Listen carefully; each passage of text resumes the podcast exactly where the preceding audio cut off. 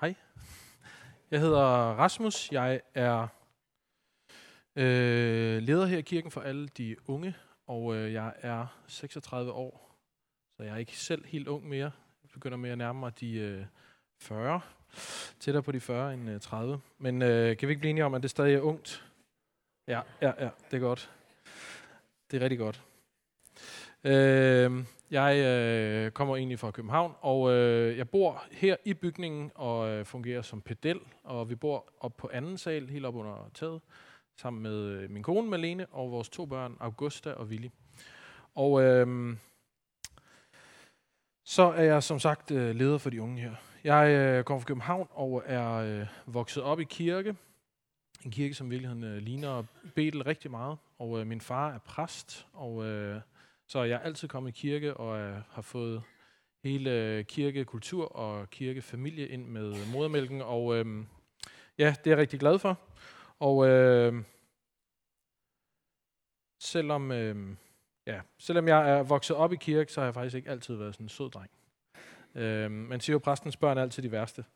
Øh, nogle vil sige, at jeg er ikke engang en sød dreng nu. Men øh, jeg er uddannet kok, og øh, i en periode i København arbejdede jeg øh, fire år i et øh, køkken, hvor vi lavede mad til 800 mennesker hver dag.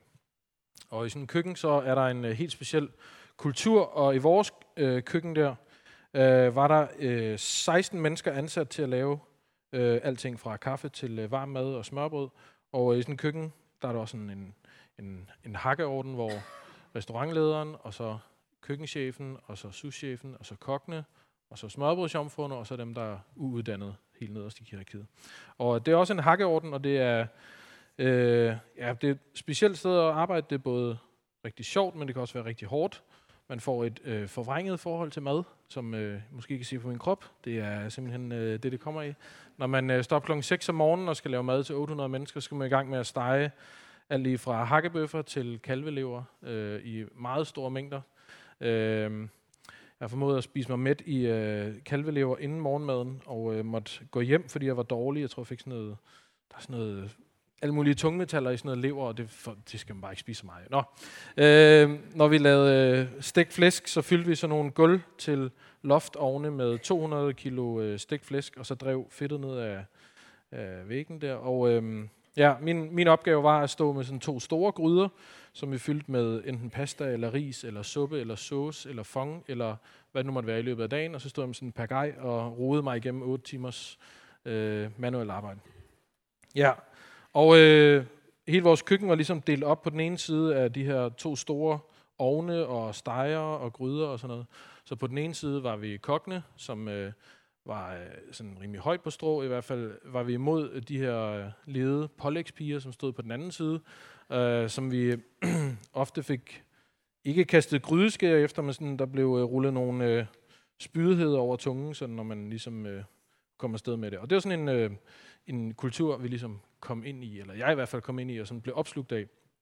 Og øh, på mange måder over de her år, så eskalerede den her sådan, øh, splid imellem øh, os, der arbejdede der. På et tidspunkt bliver en af de her piger øh, fyret, fordi hun, ja, der bliver noget omstrukturering og sådan noget, og vi kokke, vi er sådan, yes, af med hende der, som er rigtig led. Og øh, ja, så kommer der så en anden, mere øh, moden øh, kvinde ind, og, øh, som er rigtig, rigtig sød, og som i virkeligheden øh, prøver at, at øh, lave en god stemning igen, og, og ændre hele øh, sådan, atmosfæren i kantinen, eller i vores køkken der, og hun øh, overhovedet ikke kristen eller noget, men gør noget meget, meget kristen, der får os til at snakke sammen og får os til at blive forsonet. Og jeg finder ud af, hende her, den anden pålægspige, som egentlig er rigtig, rigtig sød, har en, øh, en dreng, der er lige så gammel som øh, min Augusta, og de flytter lige i nærheden af os, og vi bliver rigtig gode venner øh, efter noget tid, og begynder at køre sammen ind til øh, køkkenet øh, tidligere om morgenen for at spare transport.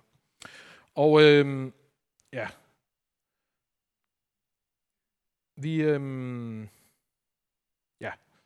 Så øh, det jeg prøver at sige er ikke, at øh, jeg er specielt heldig på den måde, men at øh, vi jo alle sammen kan gå af og være vrede på nogen andre, og være og bagtale, og øh, vi kan alle sammen sige noget ondt om hinanden. Måske nogen, der er tæt på. Det er det som regel, fordi det man har øh, rigtig stærke følelser for. Hvornår har du sidst sådan rigtig været vred på nogen? Øh, det gør vi alle sammen. Dem, der siger, de ikke gør, de lyver jo bare. Øhm, og Jesus, han går i dagens tekst i kødet på vreden. Jeg har delt øh, teksten op her i tre bidder. Det er fra vers 21 til 26. Det er fra bjergprædiken, som jo er Jesus øh, ligesom programerklæring for hele hans virke. Og øh, vi er i gang med at gennemgå øh, hele bjergprædiken over fem måneder i dagligstuen, som er vores øh, ungdomsarbejde, hvor vi mødes onsdag aften. Vi øh, fylder ikke helt så meget, som vi gør her. Vi fylder kun sådan halvdelen herovre. Og øh, det er rigtig godt. Og vi prøver at gå igennem det her og øh, ligesom skære det i bitte små bidder og se, hvordan vi kan forstå det. Og Jesus har samlet øh, en masse af dem, der følger efter ham på en bjergside ude i, øh, i, i det vilde. Og øh, der har han sat sig ned og, øh, og undervise dem. Så lad os lige prøve at dykke ned i det her. Jeg prøver lige at forklare, hvad, hvad konteksten er. Jesus fortæller jo det her til øh, at, at undervise nogle øh, mest jøder, og øh, den tid og kontekst vil jeg lige prøve også at, at forklare lidt om. I har hørt, at der er sagt til de gamle, du må ikke begå drab, og den, der begår drab, skal kendes skyldig af domstolen. Men jeg siger jer, enhver, som bliver vred på sin bruder, skal kendes skyldig af domstolen. Den, der siger raka til sin bruder, skal kendes skyldig af det store råd. Den, der siger tåbe, skal dømmes til helvede. Til helvedes ild, undskyld. Så, må jeg bare lige sætte nogle streger under de ord, der måske lige... Når han siger, I har hørt, så betyder det, at dengang havde man øh, jo selvfølgelig ikke fjernsyn, men det var også de færreste, der kunne læse, og dem, der ligesom er følt efter Jesus, er ikke nogen, der kan læse, det er ikke nogen, der har lært, det er nogle helt almindelige mennesker, ligesom os her. Og øh, det er derfor, han siger hørt, fordi at dengang havde man en overleveringskultur, sådan en mundtlig overleveringskultur, hvor man øh, fortalt til den næste generation hele tiden, hvad det var, der ligesom var øh, love. Og de gamle, som er dem, der har fortalt det videre, kan enten være fædrene eller sådan nogen som de religiøse øh, skriftkloge, de lærte, øh, måske var det fariserer eller sadukærer. Og domstolen, det er, øh, der, om, der er ligesom omtalt to øh, domstole. Den ene, det er en almindelig domstol. Den var i alle små byer, hvor det var de syv ældste, som sad og tog stilling til øh, alle slags retssager, civile retssager. Og øh, så er der omtalt det store råd, og det store råd, det var i de store byer, og det bestod af 70 ældre plus ypperste præsten, som ledte det. Øh, vi hører også senere om, at Jesus og Johannes og Peter bliver stillet for det store råd inde i Jerusalem, hvor der var sådan et øh, stort råd. Og øhm, Raka, det betyder idiot, eller fjols, eller tåbe. Og så er der helvedes ild, som er øhm, også et sted uden for Jerusalem. Faktisk lige uden for Jerusalems mure. Og øh, det er måske en jordisk måde at forstå helvedes ild på, eller, eller helvede på, som er en, øh, det her det er en slags have, eller en kløft, som ligger lige uden for Jerusalem. Og øh, det ser egentlig fredeligt nok ud, men i gamle dage, da Salomon han byggede Jerusalem med murene og byen, så havde han, øhm, han havde flere koner, og nogle af hans koner havde deres egne guder med fra deres egne lande. Og uden for byen, der byggede han øh, templer og øh, offersteder til de guder, sådan så hans koner kunne gå derud. Øh, det var sådan et, øh, det var sådan noget, han ligesom øh, tillod sig over for Gud. Og øh, ude i ved de offerhøje, eller sådan offersteder, øh, var der øh, sådan en uheldig kultur, kan man sige, hvor man offrede til nogle øh, afguder. Og en af måderne og en af historierne er, at man tændte nogle store bål rundt om en statue, og så offrede man, og den, der kunne ofre det bedste, fik ligesom øh, ja, på en eller anden måde givet det bedste offer. Og noget af det bedste, man så kunne give, var et barn, som man så lagde op i armene på den her glødende statue, indtil barnet døde. Så på den måde så er den her dal et billede på, at folk dengang kunne forstå, at det var noget meget forfærdeligt. Det henviser selvfølgelig også til ligesom det hensides, hvor man øh, møder sin endelige dom, efter man, øh, man er død. Ja, nu læser vi lige videre. Når du derfor bringer din gave til alderet, og der kommer i tanke om, at din broder har noget mod dig, så lad din gave blive ved alderet og gå først hen og forlig dig med din broder. Så kan du komme og bringe din gave. Så gave, det er ikke noget med fødselsdag at gøre, men det er noget med at gøre med, når man kommer til templet, så kommer man med på en eller anden måde et dyr, som passede til de øh, synder, som man havde brug for at blive sonet med Gud for. Og det kunne være et lam eller en due, alt efter hvad, hvad man havde øh, overtrådt, og hvad, hvor længe siden det var, man havde været. Det kunne også være penge, som man kom og, og offrede, og ligesom gav til templet. Øhm, så står der bruder, og det er jo øh, ikke ens betydende med, at det kun er for mænd, men det er altså bare en næste, eller en, som er familiært nær på en, både familie, men det kan også være inden for altså en anden jøde, eller for os vil det så være en anden inden for kirken. Og alderet, det er jo så det her med hellige mødested, øh, offerstedet, hvor, man ligesom, hvor det ligesom er en overgang øh, mellem det jordiske og det, det himmelske i templet dengang. For os nu vil det jo være her i kirken, hvor vi, hvor vi mødes øh, og skaber et sted sammen. Så går vi lige videre til næste her. Der står, skynd dig at blive enige med din modpart, mens du er på vej sammen med ham. Så din modpart ikke overgiver dig til dommeren, og dommeren igen til fangevogteren. Og du skal kastes i fængsel. Sandelig siger dig, at du slipper ikke ud derfra, før du har betalt den sidste øre. Det giver rimelig meget sig selv. Men vi kommer lige tilbage til, hvad, hvem dommeren og fangevogteren egentlig er. Okay, så hvad handler det her egentlig om? Så øh, de skriftkloge og dem, der ligesom har varetaget øh, loven dengang, øh, altså de ældste, som sidder i det her råd, har altid udøvet, at det er kun mor, altså det sjette bud i Moseloven, som når man overtrådte det, så skulle man straffes.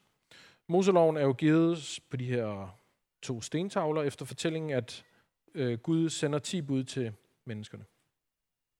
Ud fra det har man så lavet nogle retsforordninger og nogle måder at ligesom indrette samfundet på efter det.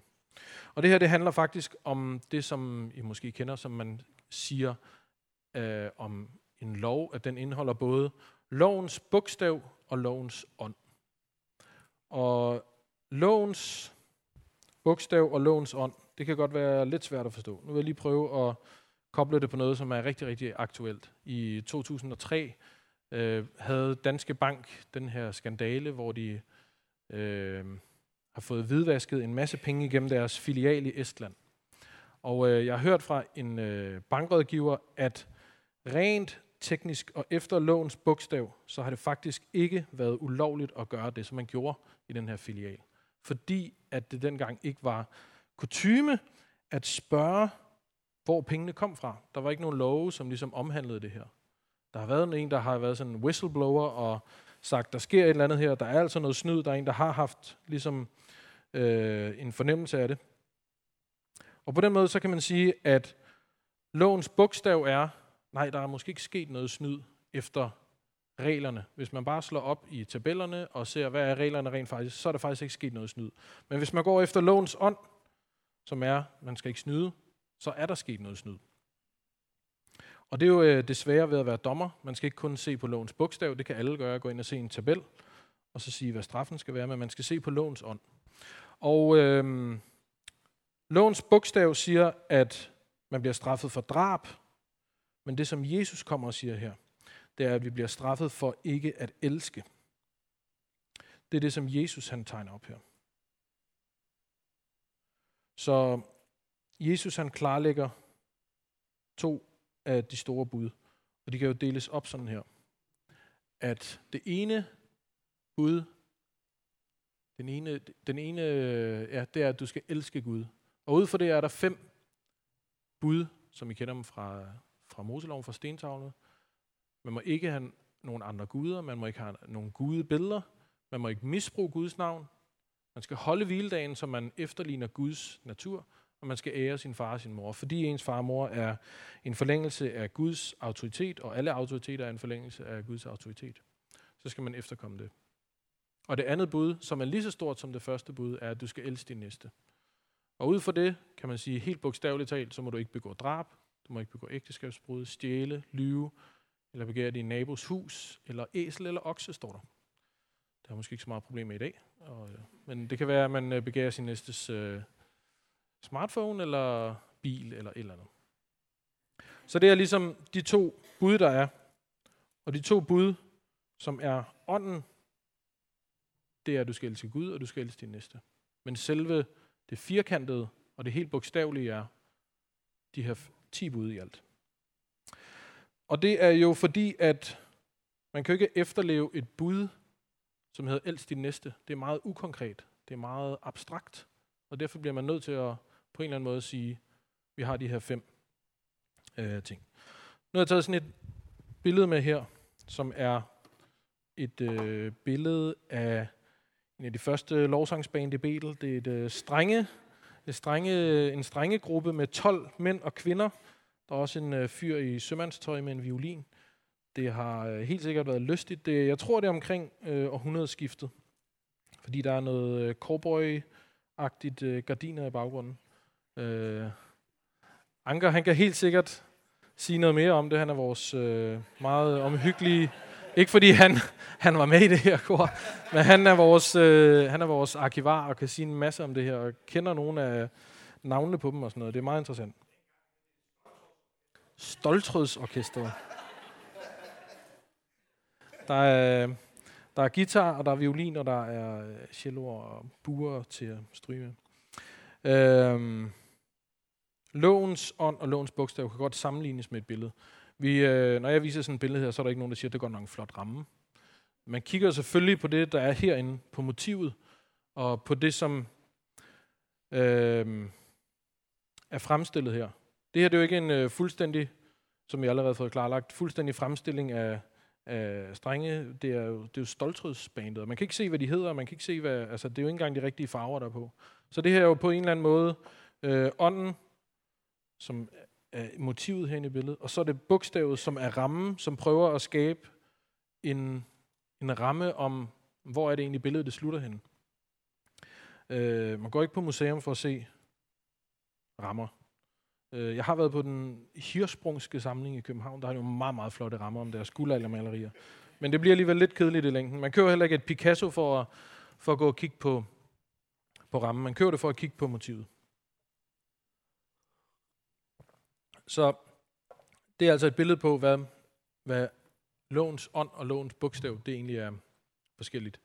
Øh, hvis man var dommer, så kunne man måske komme ud for at skulle øh, dømme imellem lovens bogstav og lovens ånd. Altså en, som havde for eksempel øh, blevet taget med øh, promiller i blodet, efter at have kørt rundt på værtshus hele natten, og øh, derefter sent på tidligt på morgenen blive taget i sin bil og øh, have en promille, som vil være den samme som en mand, som er ren nød, kører sin kone på hospitalet, fordi hun skal føde, men han har lige drukket to øl, så derfor har han præcis den samme promille, som ham har turneret rundt hele natten.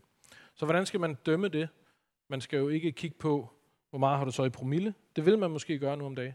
Hvor meget er promillen på, og hvad svarer bøden til, og hvad skal din fængselsstraf måske være? Men det kunne også være, at, øh, eller rent faktisk, så skulle man jo kigge på, hvad var øh, motivet for ham her. Den ene, han har kørt rundt hele natten, øh, og bliver så først taget om morgenen, men den anden har kørt en tur af nød. Ja, så på den måde så øh, er der forskel på det. Og det er jo fordi, at virkeligheden har uendelige kombinationer, og derfor er det vigtigt, at vi har nedskrevet noget, som er lovens bogstav, og noget, som er konkret, og noget, som ligger bag ved det her, som er lovens ånd, som er mere abstrakt. Ja. Så hvis vi lige går tilbage til vrede. Vrede mod en anden, mod en bror, kan være ligesom et langsomt drab. Altså en, som man i virkeligheden dræber i sit hjerte. Både den, der doserer giften, og offeret bliver på en eller anden måde langsomt dræbt.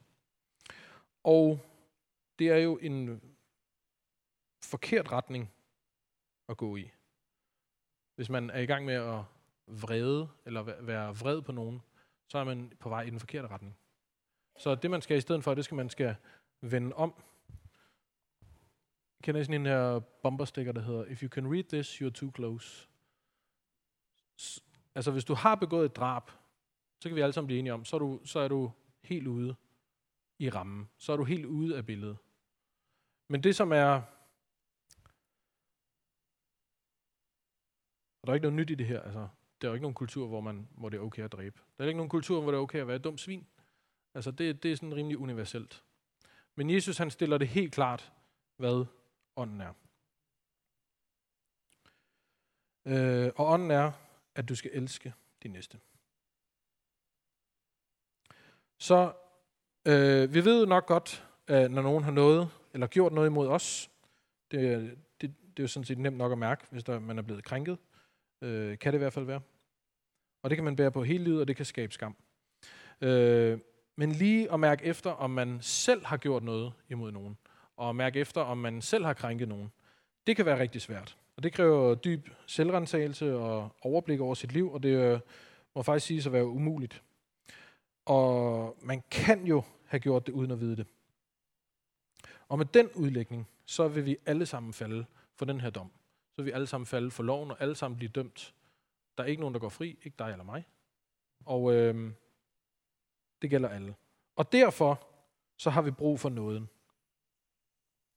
Fordi uden nåden, nu vender vi lige tilbage til det sidste i teksten her, det er, der bliver vi overgivet til vores fangevogter og til fængslet. Og fangevogteren og dommeren er jo i sidste ende et billede på, fangevogteren, det er vores nedkære anklager, altså vores, altså djævlen, et, et symbol på ham, som anklager os hele tiden.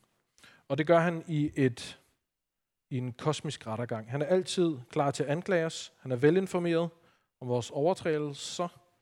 Han ved alt. Han ved præcis, hvad for nogle love vi har overtrådt. Og øhm, i den her kosmiske rettergang mod dig og mod mig, som hele tiden foregår, der er djævlen anklager, og han anklager os over for vores far i himlen, som er den retfærdige dommer. Og djævlen vil altid gå efter den hårdeste dom for os, evig fortabelse. Og vi bliver dømt ved loven. Men så her, der sker der sådan en byttehandel i den her rettergang. Der kommer Jesus ind som vores advokat og tilbyder sig at tage al vores skyld.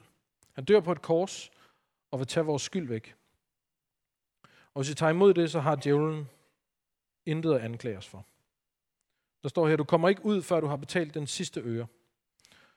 Og hele gælden, den løber nok op i et par milliarder. Og det kan vi aldrig betale, men det kan Jesus. Og han står klar med det helt store kreditkort, det sorte platinkort, og han kan dække os, han kan dække dig, hvis du vil tage imod det. Du må gerne forsøge at betale selv, men dagligt så kommer der bøder på, kommer nye dumme bøder på hele tiden. Og øh, du kan ikke betale det, men det kan Jesus. Så lad Jesus betale for dig en gang for alle. Han tager din gamle gæld, og han tager det, som vil komme for dig. Og du er dybt forgældet, men han vil betale. Og det eneste, du skal gøre, er at bede ham om det. Han er altid nær ved alle, så vi skal bare sige det til ham. Vi skal bare bede ham om det. Ja. Så derfra, så bør der ske det, at, der, at det her det får konsekvenser i vores liv. Hvis den noget, som er os givet igennem korset, ikke får den konsekvens i vores liv, at vi kan vise noget over for andre, så har vi nok ikke rigtig oplevet eller forstået, hvad det er, vi egentlig skyldte. Så derfor må vi spørge os selv, hvad vi skal gøre. Og en af tingene er helt klart, at vi må ikke acceptere en splidskultur eller en, en bagtagelseskultur. Vi skal altid søge forsoning med hinanden, både dem, der er nær og nogen, der er langt væk. Der står her, at vi skal efterlade vores offer på alderet, og så skal vi søge forsoning, før vi tilbeder. Det kunne også være, før vi lovsynger. Jeg tror, vores øh, lovsang kommer til at ramme loftet, hvis vi ikke søger forsoning først. Det skal være før vi beder, det skal være før vi tjener, før vi giver penge, før vi giver vores tid, før vi giver vores omsorg, før vi åbner vores hjem i gæstfrihed, så skal vi søge at forsones både med dem, der er nær, og dem, der er langt væk, som vi har forbrudt os imod. Øhm, relationer er tilbedelse. Det er en afspejling af den noget, som vi selv har oplevet. Og musik er udtryk for taknemmeligheden. Det er en forlængelse af vores, øh, af vores forsoning med Gud. Og vi skal søge forsoning. Der står her i teksten, at det er bedre, at vi forlader det vi er i gang med, for at søge forsoning. Så måske man skulle øh, skrive med telefonen, eller ja. Det er altid første prioritet. Siden Adam og Eva, de brød mod hinanden, manden mod kvinden, så har det uforsonlige og brudet været en del af vores verden. Så det bredte sig til Kain og Abel, bror mod bror, så bredte det sig til folk mod folk, så bredte det sig til lande mod lande, så til kontinenter mod kontinenter, og så mod øst, øst imod vest. Så derfor er det vores opgave som kristne at søge forsoning. Det er konsekvensen af korset. Det er evangeliet. Det er det, Jesus kom med. Den kom med genoprettelse og med forsoning. Og øh, hvor ville det bare være fedt, hvis det blev en kultur hos os i Betel som kristne, at vi står for at samle og ikke for at sprede. At, øh, at vi må kunne vise det her til vores by, til Aalborg. Må vi blive kendt for intern fred. Må vi blive kendt for fred i blandt os. Må der være kort imellem konflikter og forsoning. Må vi have stærke venskaber. Må vi have familiær nærhed og søskendeskab på tværs af generationer og kulturer og sprog og alle ting, som kan splitte sig ad, alle skæld. Ja. Så øhm, det var bare lige det, jeg havde at bringe. Øhm, vi vil rigtig gerne øhm, bede med dig, hvis du øh, har brug for at blive forsonet med nogen, eller hvis du har noget udstående med nogen. Vi kan ikke øh, stå for forsoningen, det skal du ligesom selv gøre. Men vi vil gerne bede en bøn for dig, at du må øh, lykkes i det, og at øh, der må være forståelse. Det kan også være, at du har let til vrede, så vi også gerne bede med dig, at, det må blive, at du må blive løst af det. Øh, måske har du øh, fokuseret på, på øh, rammen, øh, og ikke så meget på motivet. Måske har du øh, kun haft øje for, hvad der kræves af dig, og ikke den øh, noget, som følger med Guds kærlighed til os. Øh, vi vil rigtig gerne bede for, at du må opleve Guds kærlighed, i stedet for bare øh, bogstavet i ånden, som, som dræber. Måske er du, blevet, øh, måske er du selv blevet øh, krænket af nogen. Måske er du selv oplevet, at nogen har påført dig skam. Øh, tit så tror jeg ikke, vi får skilt rigtig godt ad, hvordan skam og skyld er to forskellige ting. Skam er noget, som andre påfører os. Skyld, det er noget, som vi pådrager os ved at overtræde loven. Og skam, det kan sidde fast på en i rigtig, rigtig mange år. Det kan sidde fast på en i hele livet. Og øh, måske er du blevet påført skam. Skam er jo en øh, grundlæggende, vedvarende følelse af at føle sig forkert. Og øh, det kan hindre dig i at, at, at føle dig hjemme, for eksempel her og blandt andre. Du kan ikke få tilgivelse for skam, men du kan godt blive løst fra det. Fordi at skam er ikke noget, vi har gjort. Det er ikke engang noget, vi har skyld i. Det er noget, som er blevet påført os. Så øhm, det er noget, du kan blive løst for. Det vil vi rigtig gerne bede sammen med dig for. Det kan også være, at du ikke øh, har Jesus som din advokat i dit liv. Du ikke har ham øh, til at stå imellem dig og din dom så øh, har han lyst til at være din advokat, og vi vil gerne bede sammen med dig, hvis du har lyst til det. Øh, nu øh, kommer lidt musik på, lov som gerne komme op. Og øh, jeg står nede bagved sammen med Lars, som er vores præst, vores seniorpræst. Og vi vil rigtig gerne bede sammen med dig, hvis du har lyst til det, og hvis du har brug for det.